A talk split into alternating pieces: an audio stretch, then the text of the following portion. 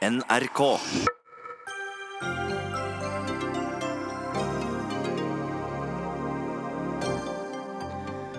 Rasutsatte kommuner frykter ruin når reparasjoner av vei, vann og kloakk skal betales. Dagens støtteordning er for dårlig, sier kommunene. Rosenkrantztårnet forfaller i Bergen. Oppussingen blir ikke ferdig før 950-årsjubileet neste år. Regjeringen glemmer Vestlandet, sier historiker ved Universitetet i Bergen. Før siste Oslo-valg lovet Ap, MDG og SV et taktskifte i boligbyggingen om de fikk velgernes tillit. Enorm avstand fra løfter til realitet, sier Oslo Høyre.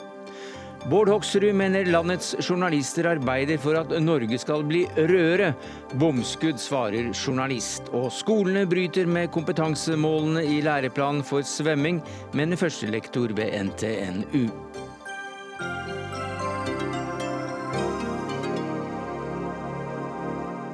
Ja, Det er noen av sakene i Dagsnytt 18 denne fredagen, der vi også ser på konsekvensen av handelskrigen mellom USA og Kina. Men vi starter med en sak som er aktualisert nå etter flom og jordrasene i Jølster. For hvem skal betale for skadene? Vi skal høre ordfører i Jølster, Oddmund Klakegs, bekymringer. Ja, det blir ei, stor utfordring for en liten kommune. og Det er jo ikke sånn at vi har de store bufferne budsjettert for å ta den type naturkatastrofer som dette her. Så eh, vi snakker antakeligvis om mange titalls millioner. og Hvordan vi skal klare å inndekke det, det blir en stor utfordring utover høsten. Helge Eide, du er områdedirektør for interessepolitikk i KS. og Hva er galt med den ordning som tross alt finnes i dag, og som gjør at ordføreren da i Jølster er så bekymret? Den ordningen som finnes i dag, den eh, gjelder jo eh, å utbedre skader som oppstått på det vi kaller for kritisk kommunal eh, infrastruktur. Og Det er den såkalte skjønnsmiddelordningen som Kommunaldepartementet har ansvaret for. Den sier at hvis kommunen får direkte utgifter til det, så dekker Kommunaldepartementet eller regjeringen da opp til 500 kroner per innbygger. Da dekker de halvparten av eh, regningen, og så dekker de det som er overskytende eh, utover det. Ja, Hva er galt med denne ordningen? Det er to utfordringer. Den ene utfordringen er jo at uh, selv den kommunale egenandelen kan være utfordrende når den kommer selvfølgelig helt uvarslet, som jo åpenbart jo konsekvensen er når det, vi snakker om naturskader. Noe som kanskje er enda mer utfordrende, er at ordningen sier at man kun får dekket utgifter opp til å Eh, reparere skadene til opprinnelig standard. Når vi nå vet om klimaendringene som jo eh, kommer, eh, så i veldig mange tilfeller er det, er det, direkte dumt å ikke samtidig bruke muligheten til å, reparere opp til en, bedre standard, det som vi vet framtidens utfordringer vil, vil, kreve. Hvis det skal gjøres, som er da, som sagt, åpenbart fornuftig i veldig mange tilfeller, så må kommunen dekke alt det overskytende direkte. Det har mange kommuner ikke råd til. Så det, da, da, gjør man noe som er samfunnsøkonomisk dumt, fordi at ordningen er slik som den er. Mari Holm Lønseth, du er medlem av kommunal- og forvaltningskomiteen på Stortinget. Hva sier du til det? Mm. Jeg er helt enig med KS i at vi er nødt til å ta på alvor at vi kommer til å få mer ekstremvær i årene som kommer. Men den løsningen som KS egentlig skisserer, handler om å innføre en ny usosial avgift for befolkninga. Jeg mener at løsninga heller er å finne ordninger innenfor de rammene vi allerede har i dag, og at dagens erstatningsordning fungerer ganske bra. Vi får også bygd opp bruer, vi får bygd opp veier igjen, eh, og vi ser at det fungerer godt med rask saksbehandling. Men jeg tror det aller viktigste i årene som kommer for Eh, å skape en trygg hverdag for oss alle, det er å satse mer på forebygging. Mm, men vi hørte jo bekymringen fra Jølsters kommune. Jeg glemte å si at du representerer Høyre på Stortinget. Mm. Ja, du ja. Vi hørte også, også eh, ordførerens bekymringer her. Eh, han mente jo da at dette kom til å bli svært tøff for en liten kommune. Flere titalls millioner kroner i ekstrautgifter. Og Mye av det kommer helt sikkert også til å få kompensert gjennom den ordninga som KS også har eh, gått gjennom, som handler om skjønnsmidlene til, eh, som kommer fra Fylkesmannen. Det er skapt nettopp for at kommunene ikke skal måtte stå med en form for uforutsette, store utgifter som følge av naturkatastrofer alene. For det er helt riktig at det kan være krevende for mange kommuner å stå i det. Men samtidig så er ikke løsningen å endre på den ordninga, som også da fungerer ganske godt i dag. Og kommunene har også fått gode opplegg, og kan også prioritere, og har et ansvar for å prioritere arbeid med rassikring og forebygging. Det er vel relativt åpenbart at hvis Jølster kommune nå eh, skal eh, reparere ikke bare opp til gammel standard, men til den nye standarden som framtidens utfordringer vil kreve, så vil ikke kommunen kunne ha, ha, råd til det. Og Det er jo det vi peker på. Det er en systemutfordring her knyttet til at, at eh, dagens kunnskap om framtidens utfordringer den har rett og slett ikke kommunen råd til å ta, ta, høyde for. Det er derfor vi har bedt regjeringen om å være med på å utrede en forbedret forsikrings- og finansieringsordning eh, for kommunal eh, infrastruktur. Ja, hvordan skal den det, være? Ja, altså, en forsikringsordning det betyr at mange skal putte penger i en kasse, og så de som blir rammet, kan ta den? Ja, nå eh, vil jo disse skadene oppstå uansett, og de må repareres. Så Kostnadene kommer enten vi eh, liker det eh, eller ikke. En forsikringsordning betyr jo at eh, det blir en solidarisk forsikringsinnbetaling som alle kommuner er med å dekke, og så dekker, dekkes da skadene der, der, de måtte oppstå. Det er sånn som det gjelder for bygg i dag, som, som fungerer utmerket. Så er det nok ikke helt riktig som Lønseth her sier, at, at vi ene og alene har pekt på at en mulighet kan være en avgift som da fellesskapet eh, av skattebetalere eller avgiftsbetalere skal eh, dekke. Det kan være en mulighet. En annen mulighet er jo friske midler over statsbudsjettet, omprioriteringer der. En tredje mulighet er over eh, kommunebudsjettene. Det alt vi ber om er at, at, staten er med på å utrede hvordan dette kan skje. Så er nok vår utfordring... Et øyeblikk, vi må nesten høre med Lønseth her. Jeg er gjerne med på å diskutere alle slags mulige ordninger vi kan gjøre for at det også skal fungere i framtida. Men det som også skisseres fra KS her, nå får vi høre at det er tre ulike alternativer man kan gå for. Det ene er å øke skattene og avgiftene for folk flest. Det tror jeg er noe vi må innse at det er nok ikke noe de fleste ønsker seg i dag. Det andre er øremerka ordninger til kommunene. Det visste jeg ikke at KS vanligvis var en forkjemper for. Og så er det selvfølgelig et alternativ at man øker inntektene til kommunene. Det har vi jo sørga for å gjort med Høyre i regjering. Og man kan også sørge for å øke inntektene og utgiftene til, til ras- og skredsikring. Det har også Høyre gjort i regjering. Men det å innføre en sånn type skatt sånn som KS tar, eh, ansvar, eh, tar til orde for, det er ikke noe som vi kommer til å mm. jobbe videre med nå. Ja, nå er det slik at, at, Når eh, skader oppstår, eh, så må jo fellesskapet dekke det på en eller annen måte uansett. Så vet vi alle at det er veldig fornuftig å forebygge naturskader, mm. eh, framfor å måtte reparere i etterkant. Det er også den politiske retorikken som både Lønseth og alle andre politikere på Stortinget er opptatt av. Vår hovedanliggende i denne saken her, det er å få omprioritere midler, så vi kan forsterke satsingen på forebyggende flom- og skredsikring. Ikke nye skatter også, men omprioritering det, av midler? Det er det hele Kommune-Norge, alle innbyggere, eh, roper etter. Økt sikkerhet i hverdagen. Og, og, Det er riktig at det har vært en, en viss forsiktig økning av flom- og skredmidlene. Men hvis vi sammenligner med behovet, så er jo det altfor lite. Norges vassdrags- og energidirektorat sier jo at det er et akutt behov for godt over to milliarder kroner i over en tiårsperiode for å forsikre, for å få gjort noe med de mest akutte mm. utfordringene. Og Det er det hovedutfordringen som vi, eh, vi må løse. Og, og, og, Vår ordning er en mulighet til nettopp å, å få omsette disse ordene, fine ordene om forebygging og økt prioritering av det i praksis, i politisk handling. Mm. Jeg er opptatt av at alle mennesker som bor i Norge skal være trygge, uansett hvor de er hen i landet. Og Det er jo derfor også jeg er glad for at Eide også sier det, at vi har økt midlene til det. Så mener jeg at vi kan gjerne diskutere i årene som kommer om vi skal bruke enda mer penger på det.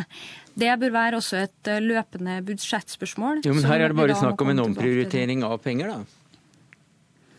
Ja, Det kan du si om alle overføringer handler bare om en omprioritering av midler. Eh, det kan vi også gjerne komme tilbake til. Men det er også viktig at man husker at flom- og skredsikring kommer ikke bare av flom- og skredsikring over en post på budsjettet. Det kommer også av en massiv satsing på samferdsel mm. og infrastruktur, som gjør at vi har fått oppgradert ganske mye veier rundt omkring i Norge. det handler om at når man bygger ny vei, så blir det også en sikrere vei, som også er mer skredsikra. Ja, vi ser jo det at det er, det er kombinert, kombinert, statlig og, og privat foretakende når det gjelder å, å dekke tap etter naturskader på bygninger. Eh, hvorfor kan ikke en lignende ordning dekke infrastruktur? Vi kan helt sikkert også diskutere om ordninga skulle vært annerledes. Problemet er at med den ordninga KS skisserer, så er det snakk om å velte avgifter over på noen andre. Da mener jeg at ordninga som fungerer i dag, som faktisk fører til at veier blir gjenoppbygd, bruer blir gjenoppbygd, er bedre enn at vi vurderer å innføre nye avgifter for folk flest. Takk skal du ha, Mari Holm Lønseth, kommunal- og forvaltningskomiteen på Stortinget for Høyre. Og til deg, Helge Eide, områdedirektør for interessepolitikk i KS. Dagsnytt 18 alle hverdager kl 18.00 på NRK P2 og NRK2.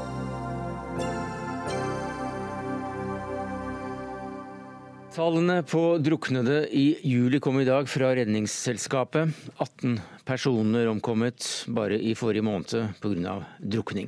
Og det gjør dessverre eh, denne kritikken mot svømmeundervisningen på skolen ganske aktuell. Og den er for dårlig, det mener du, første lektor i kroppsøvning og idrettsfag ved NTNU, Egil Galåen Gjølme. Hva er galt med undervisningen i dag? Uh, altså Jeg tror at vi må, vi må, styrke det på flere nivåer. Uh, vi må ha mer tid. Vi må ha mer ressurser og mer kompetanse. Og vi må ha kompetanse som ikke bare dekker den tradisjonelle svømmeundervisninga i basseng. Uh, vi må også øve oss ute. Fordi de aller fleste ulykkene skjer ute. Ja, for Du er også inne på at det faktisk er et ansvar som, som skolene da har for nettopp å trene opp eh, svømmekompetanse også utendørs. At det står i de såkalte kompetansemålene for svømmeundervisning. Ja, det stemmer. I 2015 så ble kompetansemålene kompetansemåla endra, og de ble litt stramma opp og gjort mer tydelig. Og da er det slik at uh, Til fjerde trinn så skal barna være svømmedyktige etter den definisjonen som er laga der, som er en ganske konkret definisjon. Og på mellomtrinnet så skal barna øve seg både inne og ute. Altså Dvs. Si at de skal øve seg i kaldt vann, strømmende vann og mer utfordrende omgivelser enn det vi finner i et oppvarma basseng. Og det er veldig, veldig tydelig. Og det står veldig tydelig i læreplanen, eh, men det virker som at ikke alle skoler har tatt det inn over seg at, eh, at eh, de må følge de kompetansemålene. Nei, de ikke, Det er ikke bare mange skoler som ikke har tatt det inn over seg. Det er veldig få skoler som, som faktisk gjennomfører en slik undervisning utendørs, ifølge en rapport som kom i fjor. Jan Tore Sanner, du er kunnskapsminister for, for Høyre. da. Hva tenker du om det, om det Gjørnes sier her? Først og fremst at det er eh, forferdelig tragisk hver gang et menneske drukner. Og at vi må gjøre alt vi kan, både for å sikre en bedre svømmeundervisning i skolen, men også at vi må sørge for at eh, vi har god beredskap, eh, og at flest mulig også kan livredning. Og heldigvis så gjøres det mye godt arbeid. Det er riktig som, som ble sagt at, at vi har fått tydelig kompetansemål for 4. klasse. Der står det at elevene skal kunne svømme 100 meter på magen. De skal dykke under vann, og de skal svømme på ryggen. Men jeg mener at 4. klasse er for sent. Eh, og Derfor har vi sendt nye læreplaner på høring. Og I den nye læreplanen så foreslår vi at det også skal være et klart kompetansemål i andre klasse, slik at elevene kommer tidlig i gang. Og Vi har også satt av egne midler for at eh, barna kan få svømmeundervisning i barnehagen. Så jeg er også helt enig i at eh, det er ikke tilstrekkelig å lære å svømme i svømmebasseng. Det er viktig at barna også får prøve seg ute i friluft. Det er forskjell på et basseng på 20-25 grader og det å plutselig kunne havne i, i vann som var 10-15 grader. Men det gjøres altså ikke? Det? Det gjøres i for liten grad, og derfor så tydeliggjør vi dette også nå i de nye læreplanene som eh, kommer i 2020, hvor man i 7. klasse skal ha selvberging innendørs og utendørs. Og i 10. klasse så er det da livredning både på og ved vann ute i naturen. Men dette er bare nye kompetansemål. Hvorfor innføre de når de gamle ikke etterfølges? For det første så er det viktig for, for, oss at uh, man starter tidligere. Jeg vet at det er veldig mange skoler som venter til fjerde klasse med svømmeundervisningen. Ja, men Det er sikkert fornuftig, men også de kompetansemålene dere har nå, nemlig som innebærer at det skal være så og så mange prosent uh, utendørstrening og i forskjellige um, omgivelser når det gjelder svømmeundervisningen, de føles jo ikke, og så legger du bare på enda mer kompetansemål. Nei, nei, nei, nei, jeg er helt, helt uenig i det mitt poeng er at, eh, at, det har vært for utydelig, de målene du har hatt for, for trening ute. Derfor tydeliggjør vi nå dette. Både ved at man skal starte tidligere eh, med svømmeundervisning på skolen, det er viktig.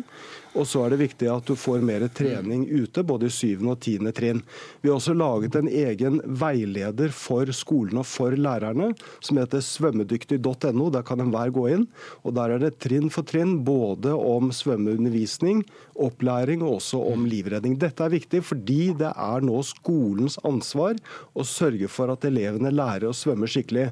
Så skal vi også være klar over at når vi ser på statistikken over drukning, så er det i stor grad menn over 40 år. Mm. Så de, dette handler ikke bare om skolen. Ja, men unger, unger i dag blir også over 40 år om en stund. Så, ja. Eh, men eh, hva sier du til eh, det, Hjelme? Altså at disse kompetansemålene i dag er for utydelige, og at det er derfor de ikke følges? Ja, jeg må jo si at jeg er i stor grad er enig med Sanner i akkurat det. Jeg tror at kanskje ikke lærere har tolka det på den måten at de faktisk må være ute. Da. Men uh, vi på lærerutdanninga på NTNU vi har i hvert fall uh, gjort det hele tida siden 2015. Og det har vært veldig tydelig for oss at uh, det holder ikke bare å trene i basseng. Så jeg ønsker de nye kompetansemålene velkommen, og jeg håper nå, det er jo en høring nå, og det blir jo vedtatt 1.11. Jeg tror det er veldig avgjørende at, at den høringa blir fulgt opp, og at de kompetansemålene blir blir, blir vedtatt. Da. Og I tillegg så har jeg lyst til å si det at hvem er det som underviser i svømming? Også det tror vi må gjøre en jobb der da, i forhold til at folk, uh, de lærere og de instruktørene eventuelt som har svømmeundervisning, de, de, må få muligheten til å, til å lære seg det håndverket da, og gjøre det på en trygg måte utendørs. Fordi at uh, jeg tror mange lærere og mange rektorer syns det er skummelt å arrangere denne utesvømminga, eller livredning, sjølberging ute.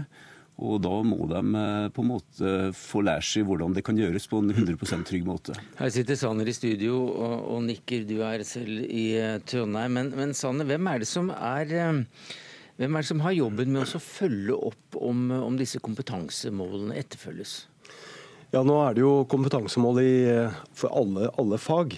Eh, nå diskuterer vi konkret eh, svømming. Det er eh, kommunen, det er skoleeier som, som, har dette ansvaret.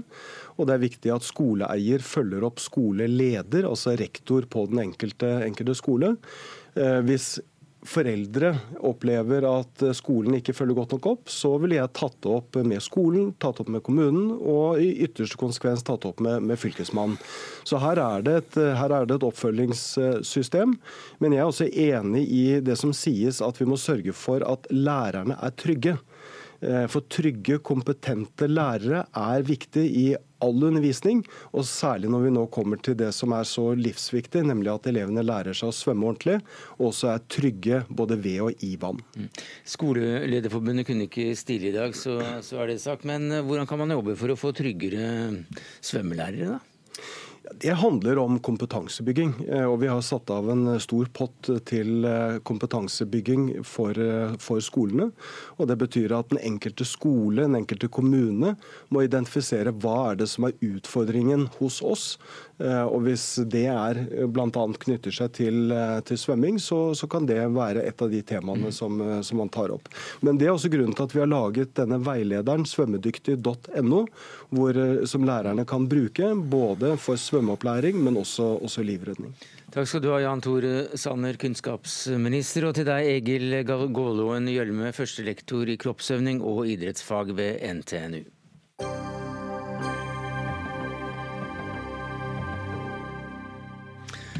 Rosenkrantztårnet i Bergen, et av byens viktigste bevis på norsk kongemakt og byens store historiske betydning. Rosenkrantztårnet står innkledd i plast og stillaser.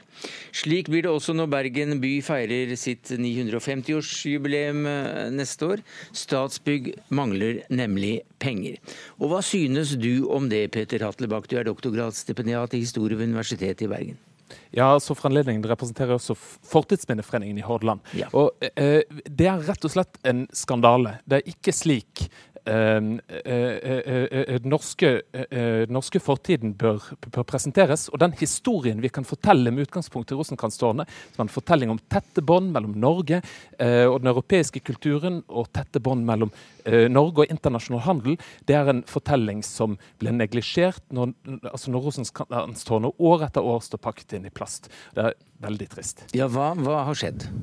Nei, det er, det er i bunn og grunn det at bevilgningene som har kommet for vedlikehold, er for små. Og det er for små år etter år. Så tårnet blir jeg mener, altså Jobben blir rett og slett ikke gjort ferdig. Og det er jo veldig trist. Det er fordyrende. Bare stillaset koster ifølge, ifølge Bergensavisen, som, som, som dekket altså saken først, altså en million kroner i altså hvert år, og, og bare stillaset stående. Så det vi ber om fra, altså fra, Vestlandet, det er at denne bevilgningen kommer på plass, og at tårnet blir pusset opp i sin helhet. Hva sier du til det, Kristin Ørmer Johnsen, du er stortingsrepresentant for Høyre? Ja, jeg har jo forståelse for uh, utålmodigheten i, i Bergen. Og det er klart at dette tårnet og, og ikke minst eh, Håkonshallen er en utrolig viktig del av vår kulturhistorie, som ble sagt her. Og så er det sånn at Når man starter rehabilitering av bygg, dette er jo bestemt at dette tårnet skal rehabiliteres, så har det tatt ekstra tid, og man trenger mer penger. Og det er jo alltid sånn at det er en prioritering som er gjort i forhold til de midlene som eh, Statsbygg, da, som er de som rehabiliterer eh, dette tårnet. Men jeg har iallfall lyst til å si at det er en eh, satsing på tårnet, for i kulturbudsjettet som Kulturdepartementet bestyrer, der er det faktisk satt av midler iallfall til å Eh, rehabilitere noe rundt eh, inngangspartiet, sånn at det er mm. mer publikumsvennlig. Men jeg eh, Ja, et øyeblikk, jeg må nesten få en Petter Hatlebakk igjen her. For eh, hvordan ser du dette i forhold til hva, hva som kunne skjedd med et lignende prosjekt i, i, i Oslo? Altså, det er klart at det er veldig gledelig om det kommer altså budsjettmidler. og Det jeg håper på, er at det kommer nok til at man faktisk får gjort jobben ferdig. Og det er klart Del av problemet her det handler ikke bare om Rosenkrantztårnet. Rosenkrantztårnet blir nesten et slags symbol på, en slags Oslo-fiksert stat som skjevfordeler midler ganske, altså ganske systematisk. Så, så, Tall fra Hordaland fylkeskommune viser at den statlige finansieringsandelen av museer her i, i Hordaland det er på knappe 39% Vi er altså på jumboplass i Norge. Uh, og Det gjør at museene her vestpå de er mm. uh, altså ganske strukturelt dårligere finansiert. Men la, men la, la oss holde oss til dette Rosenkrantztårnet, som altså ikke har fått bevilgninger nok til å bli satt i stand, og det til 950-årsjubileet som, uh, som, er neste år. De ekstra pengene du, du snakket om, Kristin Ørmen Johnsen, du er også da leder av Stortingets komité for den slags, og fra regjeringspartiet Høyre. Er, vil det være penger nok til å sette tårnet i stand til 950-årsjubileet neste år? Ja, Det som iallfall jeg har fått eh, opplyst, det er at man trenger 45 eh, millioner kroner til. For det har jo også Bl.a. hadde vi en storm som rev ned spiret på dette tårnet i 2015, så det må jo også settes i stand. Det er et budsjettspørsmål, det kommer et statsbudsjett. Det er også muligheter å omprioritere. Men jeg har bare lyst til å si at den fortellingen om at eh, Bergen ligger dårlig an når det gjelder kulturmidler, så mener jeg det er helt feil. De har fått penger til den nasjonale scene. Det var sårt tiltrengt, viktig. Det er eh, penger til Kode, eh, mange kulturinstitusjoner. Det er penger til eh, bl.a. statsråd Lenkul som faktisk var de som fikk uttelling i revidert budsjett, til stor ergelse for mm. Oslo kommune, som ønsket penger til rehabilitering av sine vikingmuseer. Så den, og Jeg har også sett på bl.a.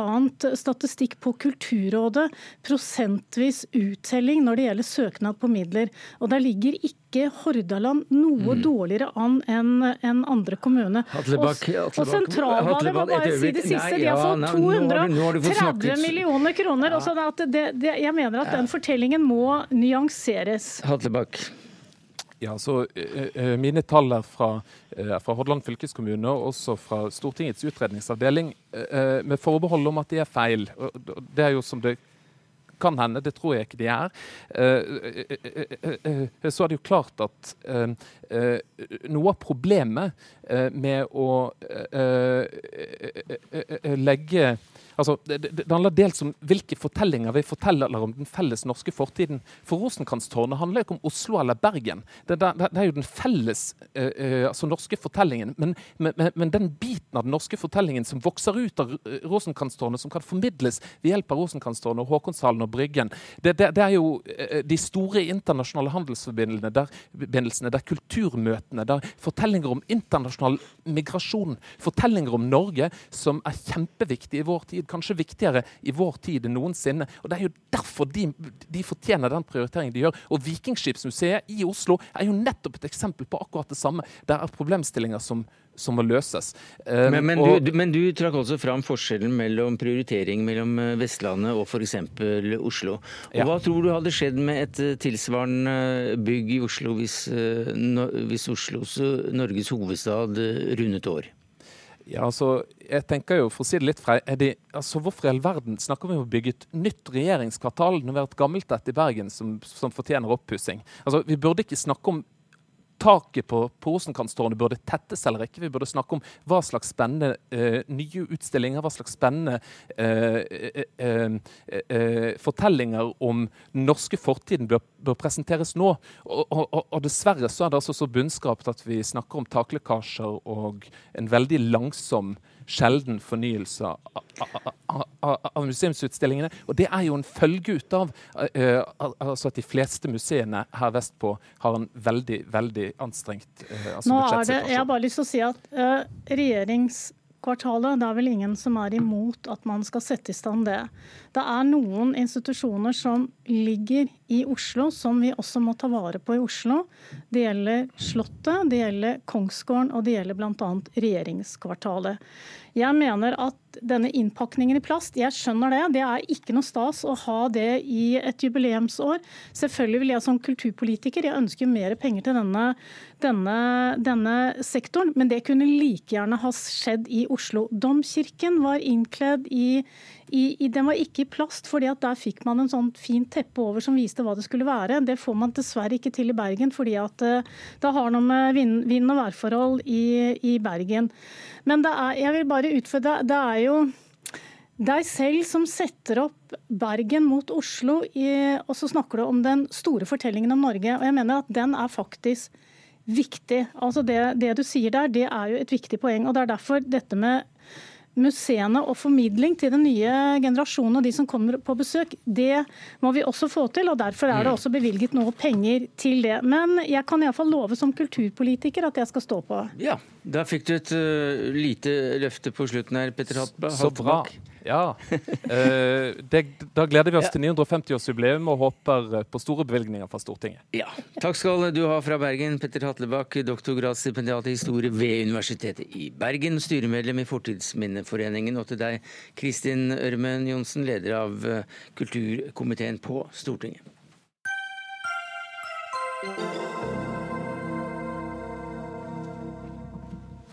Vi skal eh, fra Bergen og til Oslo. For det er et eh, taktskifte i boligbyggingen som ble lovet i forbindelse med valget i 2015.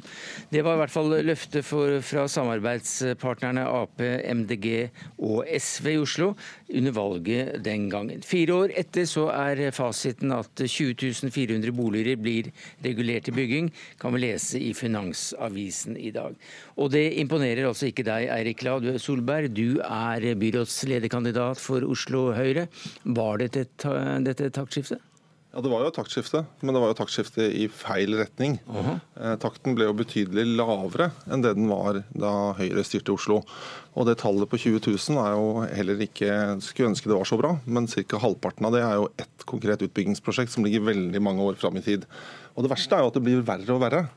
For etter hvert som bystyreperioden har gått, så har det blitt regulert færre og færre boliger. I 2018 så ble det regulert 810 boliger, og første kvartal i år så var det noen og 70 boliger. Så det blir færre og færre boliger som blir regulert. Og det er alvorlig av én grunn, for det fører etter hvert til at boligprisene stadig stiger. Og det er et problem for oss som bor i Oslo, og for så vidt i hele østlandsområdet. Sier du til det, Hanne Markussen, du er byråd for utvikling, eh, riktignok da fra MDG og ikke fra Raymond Hansens parti. Han lovet for øvrig 100 000 nye boliger med så lang tid. Nei, så langt gikk ikke Miljøpartiet De Grønne. Men, men et taktskifte lovet dere, og det er altså blitt et negativt taktskifte? Vi har fått til et taktskifte. Eh, det er sånn at eh, dette rød-grønne byrådet har regulert dobbelt så mange boliger som det det ble i denne bystyreperioden som det det ble i forrige eh, bystyreperiode, da Høyre satt med makten. Og selv om man ser bort fra dette store reguleringen Gjersrud-Stensrud, som jo riktignok er noen år frem i tid, så selv om man ser bort fra det, så ligger vi an til ved utgangen av dette året til å ha regulert flere boliger enn det Høyre-byrådet gjorde. Og I tillegg så har det også blitt bygget flere boliger i denne bystyreperioden enn det som skjedde i forrige periode. Så denne kritikken faller på sin egen urimelighet. Det som jo er alvorlig, er jo at utbyggingstakten og eller særlig da reguleringene går nedover og nedover. Men som sagt så var det sånn riktig. i 2018 at det var også 810, og så er det veldig få som er vedtatt i bystyret så langt. Og hvis, du, hvis man skal tenke på hvor lang tid det vil ta å gjennomføre Raymond Johansens valgløfte om 100 000 nye boliger, så vil det altså ta 123 år. Og det, det, jeg tror de aller fleste forstår at dette rett og slett ikke er godt nok. Men, og så er det et problem dette, dette, dette er jo rett og slett ikke riktig at det går ned for hvert år. Eh, det stemmer at i fjor, 2018, eh, ble regulert eh, litt over 800 boliger. Første halvår i år så det, er vi oppe i, 100, nei, oppe i 1100 boliger, så vi er allerede forbi fjorårets tall. Og så kommer jo veldig snart nå Filipstad-reguleringen f.eks., som er en stor boligregulering med rundt 2500 boliger. Så at dette går ned for år for år, det er ikke riktig og det er også Lars Solberg og Høyre klar over. Og så er det sånn at det varierer litt måned for måned og år for år med antall reguleringer. Jeg har aldri opplevd makene til sprik mellom et politisk løfte, altså om 100 000 nye boliger, og dagens situasjon hvor det reguleres veldig lite.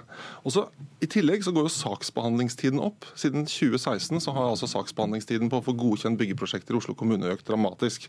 Studentsamskipnaden i Oslo har nå ventet i to og et halvt år på å få byggetillatelse til 334 studentboliger. Det er en tillatelse som vanligvis skal gis etter tolv uker. Så ikke bare reguleres det lite, men det tar veldig lang tid. og Dette reagerer jo boligbransjen på også, som vi kunne lese i de avisene i dag.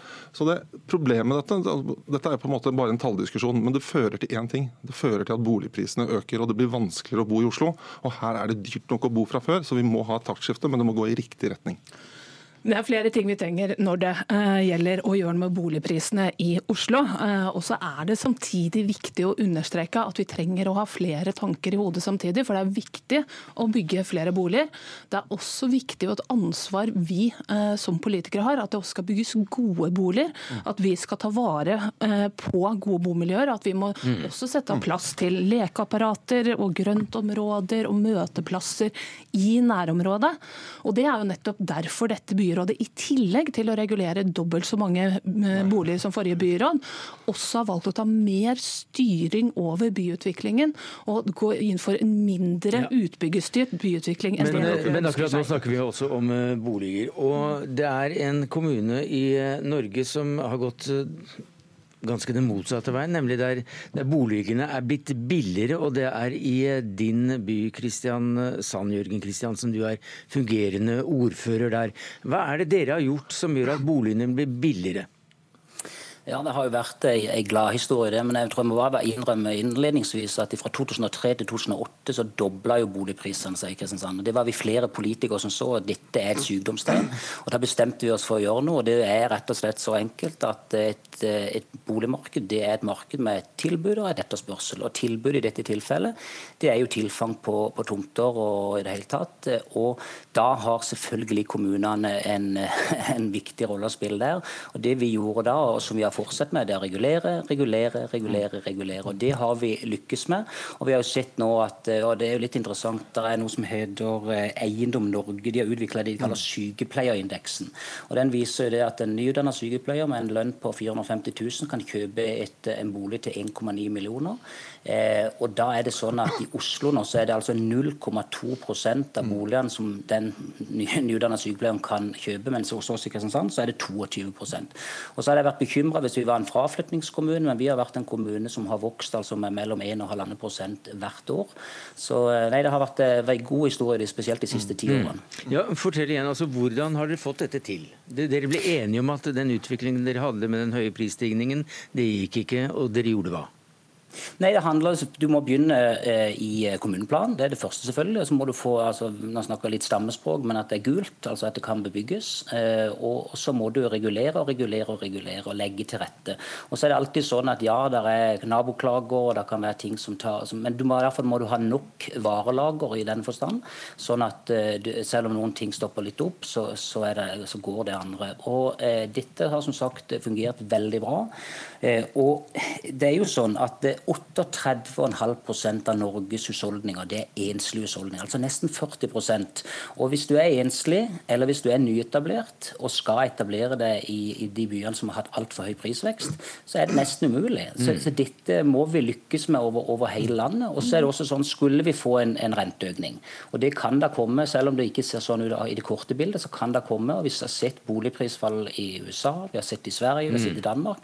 Da er det jo sånn at Vi har jo mye lavere fallhøyde for de da som, som sitter. Så, du, du, du, har bare nikkende hoder eh, rundt bordet i, i Oslo. Er du sitter i Kristiansand, Hanne Markussen. Er ikke det gode ideer? Er, ja, vi trenger absolutt å fortsette med å bygge mer i årene som kommer. og Det er helt riktig det at en enslig sykepleier i Oslo kun har råd til mm. rundt 5% av boligene. og Det er ikke en holdbar situasjon.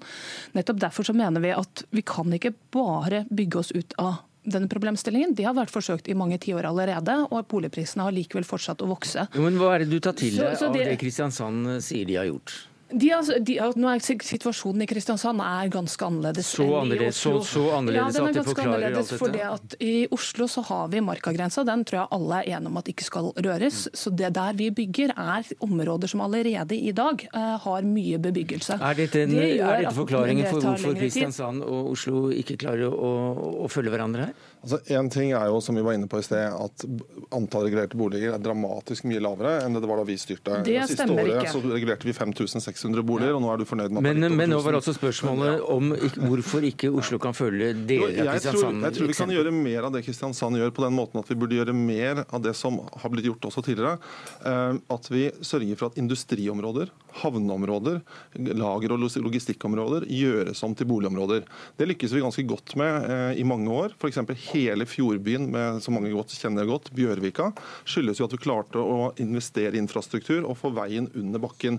Akkurat det samme skjedde på Løren mellom Økern og Sinsen. Der gjorde man store investeringer, man bygget T-bane, og man klarte å legge veien under bakken, sånn at ikke den lenger var et problem for boligbyggingen. Da skapte vi gode, fine bomiljøer. Problemet i Oslo nå er jo at byrådet er motstander av å bygge nye veitunneler som vil fjerne trafikken mm. fra overflaten og gi muligheter til å bygge flotte bomiljøer, sånn som vi har sett tidligere. Vi bygger mange flotte eh, bomiljøer i Oslo, og det bygges som aldri før. Men det vi ser, og der er det mer naturlig å sammenligne Oslo med andre europeiske hovedsteder bl.a., er at i en hovedstad med det presset vi har, så trenger vi også nye løsninger for å sørge for at Oslo skal være en mangfoldig by også i fremtiden. Og sørge for at folk i helt vanlige jobber har råd til å komme seg inn på boligmarkedet. Og Nettopp derfor så har dette byrådet nå lansert en ny boligpolitikk, fordi vi trenger nye tanker. Vi trenger rimelige boliger. Nå går vi i gang med å teste ut ulike piloter for å se på disse løsningene. Vi prøver både å etablere boliger, leie til mm. eieboliger og innsats for leieboliger. Mm. Og Gjennom dette så skal det være mulig å skalere opp å få flere rimelige boliger i Oslo. og men, Det er nødvendig som et supplement for markedet. Igjen så, er det da, igjen så er det da valgår. Og hvor mange boliger vil du love uh, velgerne de neste fire årene hvis dere blir gjenvalgt? da? Nå er det sånn 100 000 det er også et eh, tall som Raymond Johansen nevnte ja, det, det, var et tall fra Raymond Johansen og mm. Arbeiderpartiet, mm. så det må nesten han svare på. svare. Eh, vi i Miljøpartiet De Grønne vi ønsker ikke å drive sport i å love et høyest mulig tall. Samtidig så mener vi at det er viktig at det bygges nok boliger til alle som velger i Oslo. Så vi må fortsette med å bygge mer i årene fremover for å holde tritt. Samtidig så trenger vi også nye politiske mm. løsninger for å sørge for rimeligere boliger så folk med vanlige inntekter også kan bli boende i Oslo i fremtiden. Det siste er vi helt enige i. og jeg synes Det forslaget dere har fremmet om leie til eie er et godt forslag. Det har Høyre fremmet før, og det er veldig bra at byrådet nå også syns det er et godt grep. Men det forslaget dere har fremmet om at dere skal kjøpe 20% av nye boliger i Oslo, det er virkelig et ufornuftig grep. Fordi det bare føre til én ting, at alle andre som skal kjøpe bolig, må konkurrere med Oslo kommune i budrundene. Det vil presse prisene opp.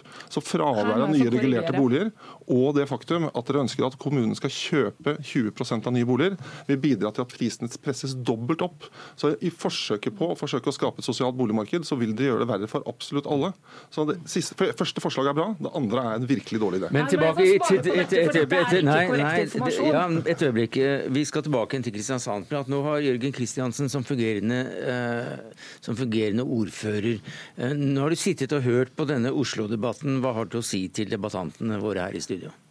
Jeg tenker at uh, Vi må være såpass ærlige med det at uh, Oslo har uh, mest, mest altså befolkningsvekst i landet. Og de har også til de sitt forsvar denne markagrensa, som jeg, jeg, har veldig veldig stor både respekt og sans for at det er litt hellig. Og at de ikke skal flytte den. Så de har noen utfordringer der. Men og, og politikerne i Oslo må også, sånn som oss, være enda bedre på dette på, for, som går på fortetting, og dette som å bygge enda mer i høyden. Da får du utnytta det enda bedre.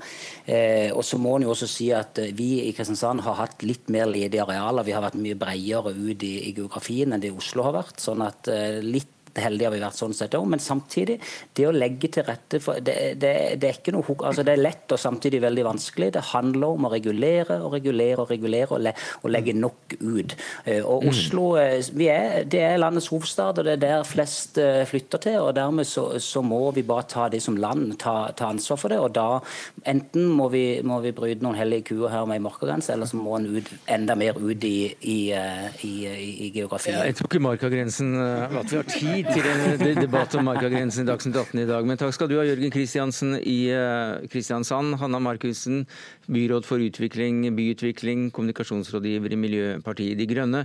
Og Eirik La Solberg, tidligere finansbyråd og Oslos Høyres byrådslederkandidat. Hør Dagsnytt 18 når du vil. Radio NRK Radio.nrk.no.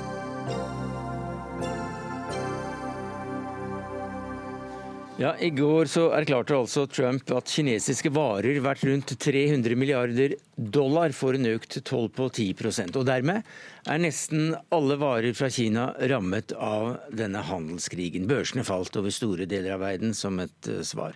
Hvorfor skjer dette nå, Ole André Kjennerud, du er økonom i DNB Markets? Det skyldes at forhandlingene ikke når frem til noen ting. Uh, USA har hele tiden forventet at eh, Kina vil imøtegå på, på noen tiltak. Men så ser vi i praksis at det på ingen måte skjer. Her er det spesielt knytta til landbruksvarer hvor USA har sagt at dere må importere mer fra oss. Og så sier Kina ja, det skal vi gjøre, men i realiteten så gjør det ingenting. I stedet øker det egen produksjon. Og dermed så blir verden litt mer nervøs? Litt mer nervøs, kan du si. Hvorfor det? Det er jo den risikoen for at aktivitetsveksten blir så svak at eh, man kanskje er på vei inn i en økonomisk nedtur, eh, som i så fall gir mer uro i markedene. Eh, og som også kan gi negative konsekvenser for oss her hjemme. Resesjon. Ja. Veronica Westrin, du er vår NRK-korrespondent i USA. Hvordan begrunner Trump de nye avgiftene på kinesiske produkter? Ja, Dette kom jo da rett etter eh, at samtalene mellom USA og Kina i Shanghai ikke førte fram. Eh, han eh, kom jo med dette, den begrunnelsen først på Twitter, på kjent vis, og sier da at, at dette er da pga at eh, Kina, da ikke har eh, fulgt opp eh, det de har blitt enige om i tidligere forhandlinger, som går nettopp, som vi hørte her, på at Kina skulle kjøpe mer landbruksprodukter fra USA, i tillegg til at de skulle stoppe eksporten av fentanyl, som jo har ført til mange overdosedødsfall her i USA, og som blir sett på som et stort problem. Samtidig så sier han jo i denne begrunnelsen han kom med på Twitter, at eh, han eh, håper eh, på en lys framtid mellom de to landene og videre forhandlinger. Så det er jo venta nå at de to landene skal sette seg ned og snakke sammen igjen om en måneds tid i september. Men dette møtet som var nå, varte jo da ettersom det blir sagt, i fire timer, og var det første møtet nå på flere uker. Men hvilke fordeler har da USA og amerikanske forbrukere av, av denne handelskrigen, Vestrin? Altså, jeg har prata med vanlige middelklassefamilier her i dag som sier at eh, de er eh, fornøyd med dette. De støtter denne harde linja mot Kina. Eh, de er den første generasjonen som nå opplever å ha det vanskeligere enn generasjonen før dem økonomisk. Og Det de håper dette kan føre til, er jo at eh, det vil komme reinvesteringer, nye arbeidsplasser eh, i USA. Altså en satsing på amerikanske produkter og selskaper da, som følge av dette. Så de er ikke bekymret, jeg har snakka med her i dag. Eh, men samtidig så ser vi jo at forbrukerne fortsetter å handle. Det blir jo sagt her at forbrukerne nå kommer til å rammes hardere av disse nye tollsatsene. Eh, forbrukerne har kanskje merket, ikke merka det så godt hittil, men nå kommer det rapporter om at dette kommer til å ramme barneleker. Det kommer til å ramme da spesielt tech-industrien, altså elektronikk som eh, mobiltelefoner, laptoper og batterier. Mm. Så det blir jo spennende å følge med på nå videre hvordan amerikanske eh, forbrukere kommer til å reagere på dette. Ja, altså, eh, Det er jo det som blir spennende nå. Altså, hvis du ser på den varegruppen som nå får toll på seg, så er ca. halvparten forbruksvarer. Det er der prisene kommer til å øke nå. Det er der du nå kommer til å se at kjøpekraften blir redusert. Eh, og så vet vi jo ikke hvordan responsen blir. Potensielt så kan du jo da se noe svakere forbruksvekst. Det vi allerede ser, som egentlig er ganske interessant, som Veronica peker på at husholdningene og de hun snakker med, sier at uh, de, de, støtter det. Og de håper på at dette vil bringe hjem investeringer og hjem arbeidsplasser. Men i realiteten så ser vi fra en rekke undersøkelser at bedrifter nesten over hele linja uh, sier at uh, denne usikkerheten som følge av handelskrigen gjør at de ikke lenger tør å øke investeringene. De tar heller investeringene ned. Noen bedrifter har begynt å flytte produksjon ut av USA for å omgå tollsatsene. Det var én bedrift som flyttet hele produksjonen til Tyskland for å redusere importkostnadene. Og så skal man eksportere produktene til USA. Så det er ikke sikkert nettopp at denne politikken til Trump bidrar til det som alle disse husholdningene nå håper på. Men mm, i Kina, da? Hva fører dette til i Kina? Vi ser jo en, en nedgang i optimismen der òg. Ja, altså, sånn, jevnt over så er det ganske greit i USA, økonomisk sett. Eh, I Kina så går det atskillig svakere. Um, investeringene faller i nominelle termer. Um, så hvis du tenker på volumutviklingen i investeringene, så er det ganske dårlig. Dårligste som vi har sett så langt på 2000-tallet. Og mye av det er knyttet til handelskrigen, men det er også andre faktorer som, som trekker inn. altså. Men vi ser helt klart at bedriftssektoren gjør det svakere. Og dels så skyldes det at bedriftene sier nå at kombinert med økte kostnader i Kina, så ser vi det nå som så lite gunstig å fortsette å være der at vi heller vil flytte deler av produksjonen vår til andre lavkostnadsland, spesielt i Asia. Eh, og dette er en viktig del av økonomien. Og da påvirker det investeringene negativt. Potensielt også sysselsettingen, potensielt også lønnsveksten. Um, så, så det kan jo bidra til at økonomien der går en del svakere enn det vi har sett de siste årene. Så ut fra det dere sier, så er, eh, så er USA bedre stilt enn det Kina er i denne handelskrigen, i hvert fall til nå? Ja, det vil jeg si. Absolutt. Eh, dels gjennom virkemiddelbruken, at de har mer å ta av. Men også fordi økonomien i USA, som Trump sier, er sterkere.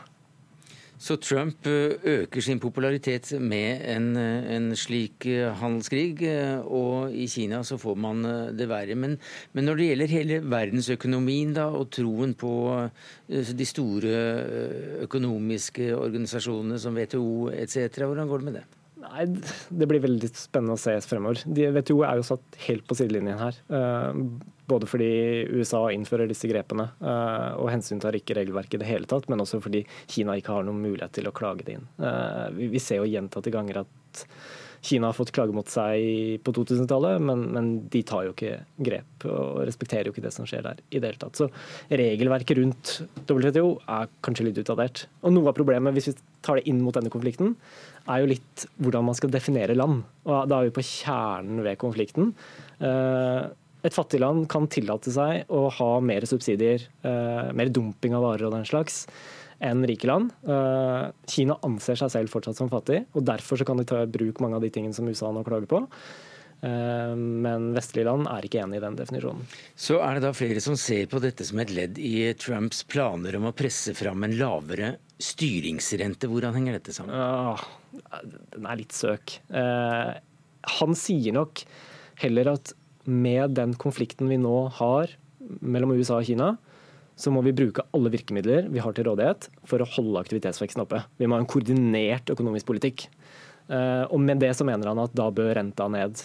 Eh, og så har han jo fått det litt som han vil. Ikke fordi at sentralbanken hører på det han sier, men fordi politikken hans bidrar til lavere vekst. Eh, Veronica Westrin, eh, får dette mye oppmerksomhet i USA? Det er jo eh, noe som både media og vanlige folk snakker om. Og Det kom nylig en fersk undersøkelse fra Pew Research som viste at flertallet av det amerikanske folk nå er bekymret for Kinas da økende makt og innflytelse. Uh, mens det lå på skal vi se, det var 47% i 2017, så har den andelen nå kommet opp i 54 uh, Og dette har jo også da selvfølgelig vært tema i uh, debattene som har vært denne uken med de demokratiske presidentkandidatene, som nå forsøker å utfordre Trump. Takk skal du ha, Veronica Westrin, NRK-korrespondent i USA. Takk skal du ha, Ole André Kjennerud, økonom i DNB Markets.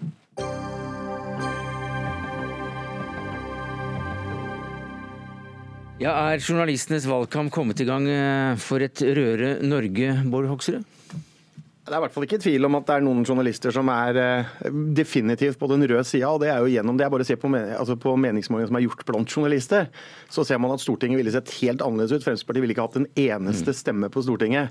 Eh, og jeg opplevde i hvert fall denne uka her en litt sånn arrogant holdning fra eh, både en journalist og en redaktør i forhold til hvordan man, eh, man opererer. Og, ja. ja for, du, for, du, skriver på din Facebook-side, og derfor vi har denne saken, at journalistenes valgkamp for et rødere Norge er tydeligvis i gang. Ja, fordi jeg, sånn som dette var, så var det først bare ett oppslag med meg, og så ble det plutselig tre sider med ordføreren, og, og, og så ble det et, i dag et oppslag igjen. Men Da fikk Arbeiderpartiet være med hele veien, men jeg fikk også bare være med den ene gangen. og det er klart at det gjør at man blir litt provosert. Og når man da sier å ta kontakt, og så spør man liksom ser man at man har gjort noe gærent. Nei, vi har ikke gjort noe, noen ting gærent. Altså Det er så synd at også ikke journalister kan gjøre som vi politikere. Vi må innrømme når vi gjør noe feil, og det må vi stå for. Men journalister eller redaktører må nesten dras etter håret eh, for å kunne innrømme at de har gjort en feil. Så jeg tror det hadde vært smart om de hadde bare sagt at ja, det hadde vi. Da vi sannsynligvis ikke hatt den debatten i dag. Du, Det er Porsgrunn Dagblad du sikter til, og vi har fått en kommentar fra redaktøren som sier at det finnes nesten ikke en politiker i Telemark som er blitt eh, intervjuet, fått så mange oppslag i, i, i Dagbladet som, som Bård Hoksrud de siste 10-20 årene. Og Derfor blir det helt patetisk når han hevder at han ikke slipper til i avisa. Ja, men det, det jeg har ikke sagt at jeg ikke slipper til i avisa, men jeg syns at samtidig tilsvarsrett, som er en del av Vær varsom-plakaten, det burde man faktisk følge opp. Og Det er jo sånn at det handler jo litt om hvor mye man jobber for å faktisk komme inn i avisen også. Jeg, jeg bruker mye tid på det, og får mye avslag både av han, den redaktøren og andre redaktører. Men eh, i alle fall så er det da en kar som mener at uh, dette her ikke henger helt på greip, og det er deg, eh, Fredrik Nordahl. Du er leder i Telemark Journalistlag. Hva sier du til denne graubsame salben? Jeg tenker at, og det vet Bård Hoksrud veldig godt, at det er svært få, og nær sagt ingen journalister, som har politiske motiver i sitt daglige arbeid. Og han har heller null belegg for å påstå det han påstår her. Og siden Hoksrud sier at når man tar feil, så skal man legge seg flat. og hvis ikke Hoksrud kan vise konkrete eksempler på det, så får han heller da si at ålreit, nå tok jeg kanskje litt i for å skape litt blest, men jeg tok feil.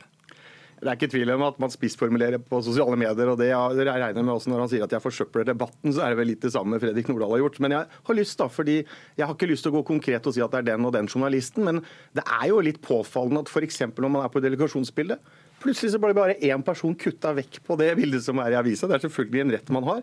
Eller Dagbladets leder, som klart og tydelig sier at helt siden Anders Langes parti ble stifta på Saga kino i Oslo i 73, har denne avisa vært en aktiv motstander av partiet, politikken og dets vesen. Det er jo rimelig klar melding, det, om hva man mener eh, om et politisk parti. Men Dagbladet er ikke her, så Men hva sier du til dette, Nordahl? Nei, jeg, jeg syns eh, Hoksrud, når han spissformulerer seg, så bør han eh, holde seg til fakta. Altså, fakta funker eh, fint, og det må gå an å spissformulere seg uten å komme med usannheter. Ja, jeg registrerer at Fredrik Nordahl mener at dette er usannheter. Jeg, som Jeg har sagt, jeg har sagt at jeg har spissformulert meg, men det er jo ikke tvil om at man opplever av og til journalister som er veldig farvei far, far, far, i det man skriver. Man kan diskutere om man diskuterer saken fordi journalisten er uenig. Og Det har jeg opplevd flere ganger, og det vet også helt sikkert Fredrik Nordahl. Men jeg har ikke lyst til å ta enkeltjournalister her. Men jeg mener at denne debatten er viktig. Og det er jo sånn at vi alle så har vi en eller annen oppfatning om noe. Og det er altså sånn at journalistene i stort flertall er på den venstre sida i norsk politikk, og veldig få på, på denne mm. sida. Så det er det... absolutt eh, viktig å ha med seg. Derfor mener jeg debatten er viktig, og spesielt når man ser noen sånne eksempler av og til. Ja, det er, eh, og det vet vi alle, at eh, folk flest blant journalister tilhører venstresida. Det er dokumentert i mange undersøkelser.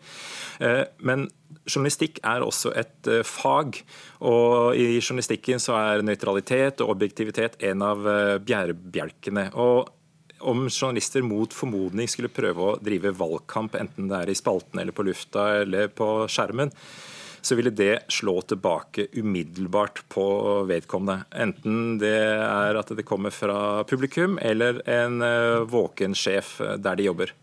Jeg tror det er bare å se på Facebook-sidene eh, dine og mine, Fredrik, så ser man at det er kanskje litt forskjellige som er der. Men det er ikke tvil om at eh, jeg får i hvert fall veldig mye støtte på min Facebook-side. Opplevelsen er der. Og det er også litt sånn at eh, det har jo nå dukka opp nye typer medier som er på, litt på den andre sida. Og de blir jo ofte av journalister som liksom er det, sett på som litt sånn utafor og litt sånn annenrangs journalister, fordi de er litt på en annen side. Men man ser at folk følger med der, folk er der. Og det må man ta litt inn over seg. Så dere er jo veldig opptatt av at det skal være likestilling på alle andre områder, kritiske til det. Eh, men, men man tar liksom ikke inn over seg dette og mener at man alltid er objektiv at man ikke har problemer. Jeg tror at man bør være ærlig, og det synes jeg Fredrik du kan si du også. Ja, det kan godt hende at vi av og til blir litt farva av det vi faktisk mener sjøl også. Det syns jeg har vært veldig ryddig, og det syns jeg har vært greit om du også kunne sagt her. For jeg mener at denne debatten har vært bra. Og, mm. Eh, og som sagt, du vil ikke svare på dette med å forsøple debatten.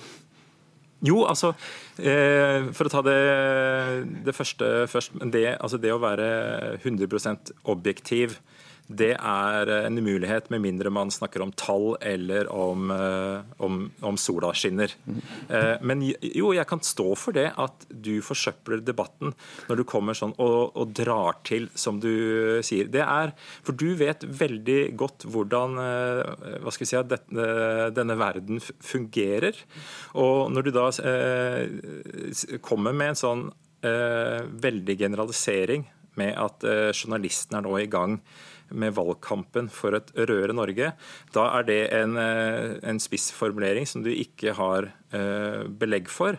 Og det er litt uredelig å komme med det mm. med viten og vilje. Og så Nei, jeg kan ikke ta det tilbake at du forsøpler debatten. Du forsøpler debatten når eh, ja. du kommer med den type utsagn.